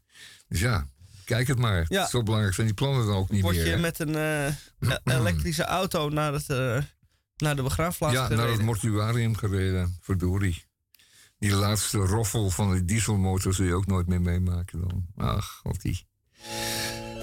Draai maar wat. Oh nee, ik hoor het al op achtergrond. Kromwoorden. Heerlijk. Kromwoorden. Krompraat. Twee woorden, één. in Krompraat. Ehm ja. En dan hebben wij weer... eh, heb ik hier drie woorden klaarstaan. En dan eh, deze week is de opbrengst een beetje magertjes. Dat heb je soms, hè? Soms zit het mee en soms zit het tegen. Nou, zal ik anders maar het eerste woord doen? Want van uitstel komt afstel. Maar dit is niet eens een woord. Dus hier eh, trekken we de boel alweer een beetje. Maken het alweer een beetje eh, wat ruimer, het begrip krompraat. Eh, vliegtuig van de Richel. Wat is nou een vliegtuig van de Richel? Ik zat afgelopen zondag en dinsdag in een vliegtuig. Maar niet van de Richel. Want dit was namelijk een vliegtuig van de altijd fantastisch geweldige luchtvaartmaatschappij KLM. En daar kun je verwachten dat je een lekkere boterham met kaas krijgt terwijl je in het vliegtuig zit. En een glaasje water of koffie of melk kan drinken. Maar wat is nou een vliegtuig van de Richel? Dat is eh, het budget van het budget eh, van het laagste. Een vliegreis waarbij je eh, eigenlijk van alle gemakken voorzien. nee, alle gemakken weggehaald zijn en echt alleen maar het vliegtuig overhoudt. Dat is dus echt voor de tuig van de Richel die ook wil vliegen. gaat dan in een vliegtuig van de Richel. Dit klinkt misschien een beetje snobistisch, dit verhaal. Terwijl ik het zeg, denk ik, ja, eh, alsof ik eh, eerste klas kan vliegen. Dat niet. Maar mocht u de keuze hebben, vlieg dan niet met een vliegtuig van de Richel. Oké, we zullen het niet doen. Maar er zal wel een prijskaartje aanhangen, of niet? Daar, Hing er eh, bij jou dat- een prijskaartje aan, zoals we dat zeggen? De- Want je bent naar Glasgow gevlogen. Ja. Dat weekend. En, en waar had je de keus tussen? tussen KLM en KLM. Oh ja. nou, oké. Dus eh, voor mij was er weinig keuze. Ehm, nee, geen eh, keuze. Er was wel een keuze tussen 's morgens en 's middags. Juist. En, het werd 's morgens. Naar je gevoel, waarin onderscheidt de KLM zich dan van andere, van budgetvliegers, van de budget, van de Ja. budgetvliegers? Dat zit hem gewoon. Dat is een gevoel. Haha, kijk eens aan. Daar houden ze van bij de KLM. Ja, de witte zwaan geeft mij eh, een eh, ander gevoel dan de. Was, was, de stoel schoot, eh, was de stoel breder? Was de stoel verder van de voorganger afgezet? Was het tafeltje schoon? Ehm, was de stewardess extra mooi? Ja, ik wist dat. Ja, je moest komen. Ja, of de steward mag ook. En, eh, of was het hapje lekkerder? Het hapje was een boterham met Beemster kaas. Kijk. Ah, ja, maar dat echt is toch echt... Ja. Ja. maar dat is fantastisch. Zeker. En dit broodje heeft me ook goed eh, de anderhalf uur durende wlucht door Nou, dat is weten wel- staan. Ja, maar dat is toch wel waarin de een zich onderscheidt van de ander, hè? Zeker. Broodje met beemsterkaas. Veel beter dan een plastic zakje met oneetbare eh, zoutjes... zoals ik in een Amerikaans vliegtuig onlangs kreeg. Werkelijk oneetbare zoutjes. Te smerig voor woorden. Dat hou je toch niet voor mogelijk? Nee. Maar daar schepen ze dus mee af in een acht uur, urende vlucht. Eh, ze noemen dat snacks. Het is helemaal niks. Het gaat over een rechte vuilnisbak in. Ik had me moord gedaan voor een broodje met beemster kaas. Tijdens Ja. die vlucht. Ja, had je maar met KLM moeten vliegen. Ja, eh, ja, ja, ik, ik snap het wel. Vliegtuig van de Richel. Vliegtuig van de Dat zal ja. zijn. Nou, ehm, ik zoek er dus een fijne voor Roos. Dan kan Nee. Ja, wel, Roosje gaat eraan. Ja. Ehm, dan heb ik voor jou het woord. Fazantkasteel. Oh, wat leuk. Is dat een echt woord? Nee, het is een krompraatwoord. Oké. Een fazantkasteel. Ik denk ehm, als mensen, eh, als jagers op fazanten jagen, dat ze de fazanten op elkaar leggen. Eh, en dat dat zoveel fazanten zijn dat er een kasteel wordt gebouwd van fazanten. Van Van fazanten. dode fazanten. Daar kan je dan inspringen. Wat leuk. Morbide, een morbide grap is dat. Kasteel van Ik kwam Fazanten. opeens in mijn hoofd. Ze zei, jullie zeiden dat ik dingen moest zeggen wat in mijn hoofd opkwam. Ja, ja, maar- ja, het geeft een mooi inkijkje in je hoofd ook meteen, eh, Rosa. Een kasteel van fazanten. Ik weet dat het een slachting is vaak, die fazanten. Want die worden speciaal toegekweekt. Die, die eh, lopen op die jager af. Eh, die jager hoeft alleen maar te wachten tot hij voor de loop komt, die fazant. Is dat zo? Dat Nou ja, wist ik niet. Ja, ja wat, wat er gedaan wordt, die fazanten die worden ge- niet zozeer gekweekt als wel eh, gevoed de hele winter. Dus als je ze in voorjaar een handje mais op een open plekje in het bos strooit, dan komen daar fazantjes van heinde en ver aan om afgeknald te worden. Dus Oh. daar hoef je als een jager niet Nee. veel voor te doen. Oh jammer, ik dacht dat het het wat is niet, eh, romantischer was. Nee, het- Ah, dus je wint eerst eh, het vertrouwen van de fazant. en dat beschaam je En dan dan. schiet je eh, hem neer, ja. En dat beschaam je door een schot hagel in zijn reet te geven, ja, klopt. Ah. En als het goed is, dan schiet je er drie tegelijk. Want ja, ze zitten zo dicht op elkaar. En die beesten zijn hongerig. En die weten dat ze die mais krijgen daar. De- En dat doen ze ook met de wilde varkens. eh. Die zijn helemaal niet meer wild. Het zijn gewoon eh, wilde zwijnen. Kom, gaat erop. Schijt Eet- eruit. eet- Eten jullie fazant met kerst? Jazeker, als het even kan. Als het even kan, ja. Als ik dit verhaal nu hoor, dan twijfel ik toch weer een beetje. Ja. Nou ja, goed, die zijn nog niet geschoten. goed, heb- geef voor mij eens eventjes zo'n bloedige, bloody uh. Een bloody crumboard, ja. Ehm, dan heb ik voor jou... Frisdrankorgel. Ah, dat is heel actueel. Buitengewoon, zeker omdat het Dry January, eh, godzijdank, is afgelopen. Is een eh, frisdrankorgel een onuitstaanbare bedweter die ja, naast jou staat in een café. En die dan met veel bombari gingerbier staat te drinken. En jou aankijkend zo van, wat ben jij nog voor een ouderwets drankorgel? En dan zou je hem kunnen pareren door te zeggen... u bent in mijn ogen een frisdrankorgel. En wat is nou erger? Mijn gezellige dronk of uw eh, bedweterige ehm, neerkijken op mij, hè? dat je er bent. En eh, overigens, ehm, een beetje frisdrank, of altijd, nee, dat is niet helemaal waar... maar er zijn toch heel wat vruchten... eh, sappen die altijd nog een heel klein percentage alcohol bevatten, omdat het spul al begint te gisten in het kartonnen pak. Het is een half of een kwart procent zit er altijd in. Mits je daar voldoende van drinkt, kun je ook van tomatensap of sinaasappelsap Ah. nog wel een eh, kick krijgen. Frisdrankorgel, prachtig woord. Prachtig woord. Mij niet gezien, maar alleen dan maar. We mogen hier geen reclame maken voor, eh, voor drankzucht, maar eh frisdrankorgel, dat is toch echt wel heel erg. Ja, Ja. vanuit maar. Maar dus als je dus heel veel sinaasappelsap drinkt de hele dag. Als iemand zegt, nee, nee, ik drink niet. Ik drink gewoon sinaasappelsap. Dan zit hij op dat halve procentje. En dan probeert hij het daarmee eh, Ja. buiten het zicht van binnen iedereen. te, binnen te halen, ja. Binnen te hijsen. Binnen te, te rakelen. Nou fijn, ehm, en je moet er wel heel veel voor drinken hoor. Maar goed, frisdrankorgels. One, two, three. If you close the door, the night could last forever.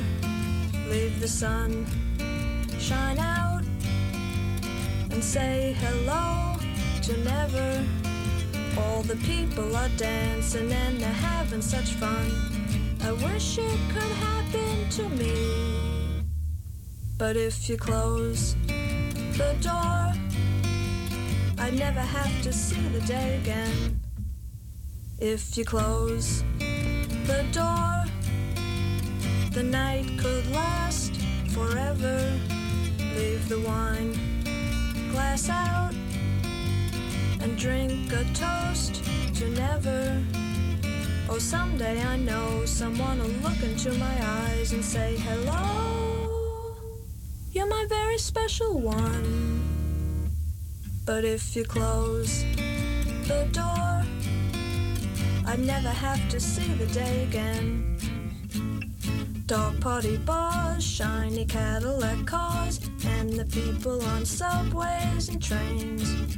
Looking grey in the rain as they stand disarrayed. Oh, but people look well in the dark. And if you close the door, the night could last forever. Leave the sun shine out and say hello to never. All the people are dancing and they're having such fun. I wish it could happen to me. Cause if you close the door, I'd never have to see the day again. I'd never have to see the day again once more. I'd never have to see the day again. De Velvet Underground op de valreep van deze uitzending nog even. Ja, leuk. Het blijkt ook wel dat, eh, dat Lou Reed een echt een goede songwriter is. Hè? Dat Zeker. bleek ook later wel, hè? Dat bleek ook later wel. Maureen Tucker. En met het prachtige jonge meisjesstemmetje van haar. En een heel leuk liedje, zeker uit die tijd. Zeker, zeker. Volgens mij heeft het zijn model gestaan voor heel wat andere zangeressen en liedjes die eh, een helder verhaal zongen. Gingen zingen nadien. Fijn. Velvet Underground. Heel die fijn. we ook op een andere manier gehoord. Hè? We zijn aan het einde gekomen van twee uur vanuit de Dieperik op deze vrijdagmiddag. We hebben nog vier minuten. We gaan over naar eh, de Boers straks. De King moet ik zeggen, niet de Boers. De King. Ehm, eh, fijn dat je er was, Rosa. Met, je, met je ikje. We hebben nu eh, we, hebben een mooie contemplatieve gedachte aan overgehouden. Dat je altijd moet oppassen dat je niet te veel in huis haalt, want het zal jouw tijd maar duren. Ehm, ooit was ik eh, een keertje met een, een paar eh, ehm, mensen rond een tafel. En toen ging er een brandweerauto voorbij. En een ziekenauto en een politieauto met veel lawaai. En toen zei een van hen, die zei... ehm, het is misschien een beklemming. En hij doelde erop dat het natuurlijk een verkeersongeluk zou kunnen zijn... waarbij iemand in een auto of iets dergelijks, in een voertuig, klem zit. Gewond en al. Maar dat leverde zoveel beklemming op rond die tafel... dat je dacht, het woord beklemmende stilte is nog nooit zo toepasselijk geweest als nu. Met die opmerking. Begrijp je? Zo werkt dat dan. De hele sfeer van de avond was Man. Ja. verpest. Ja, het, het- het was echt beklemmend. Maar had ik het net ook verpest met het ikje? Nee, nee, niet Oh. verpest. Nee, nee, zeker niet. En die stemming was ook niet verpest, maar alleen de, de beklemming sloeg toe. En dan weet je opeens weer wat de impact van een woord zou kunnen zijn. Ah, zo. Als je Ja. op zo'n manier dat realiseert.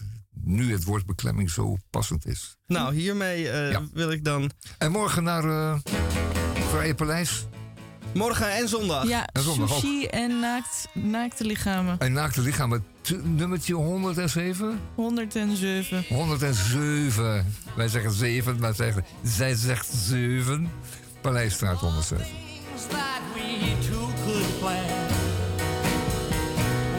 My dreams come true. Just call my name,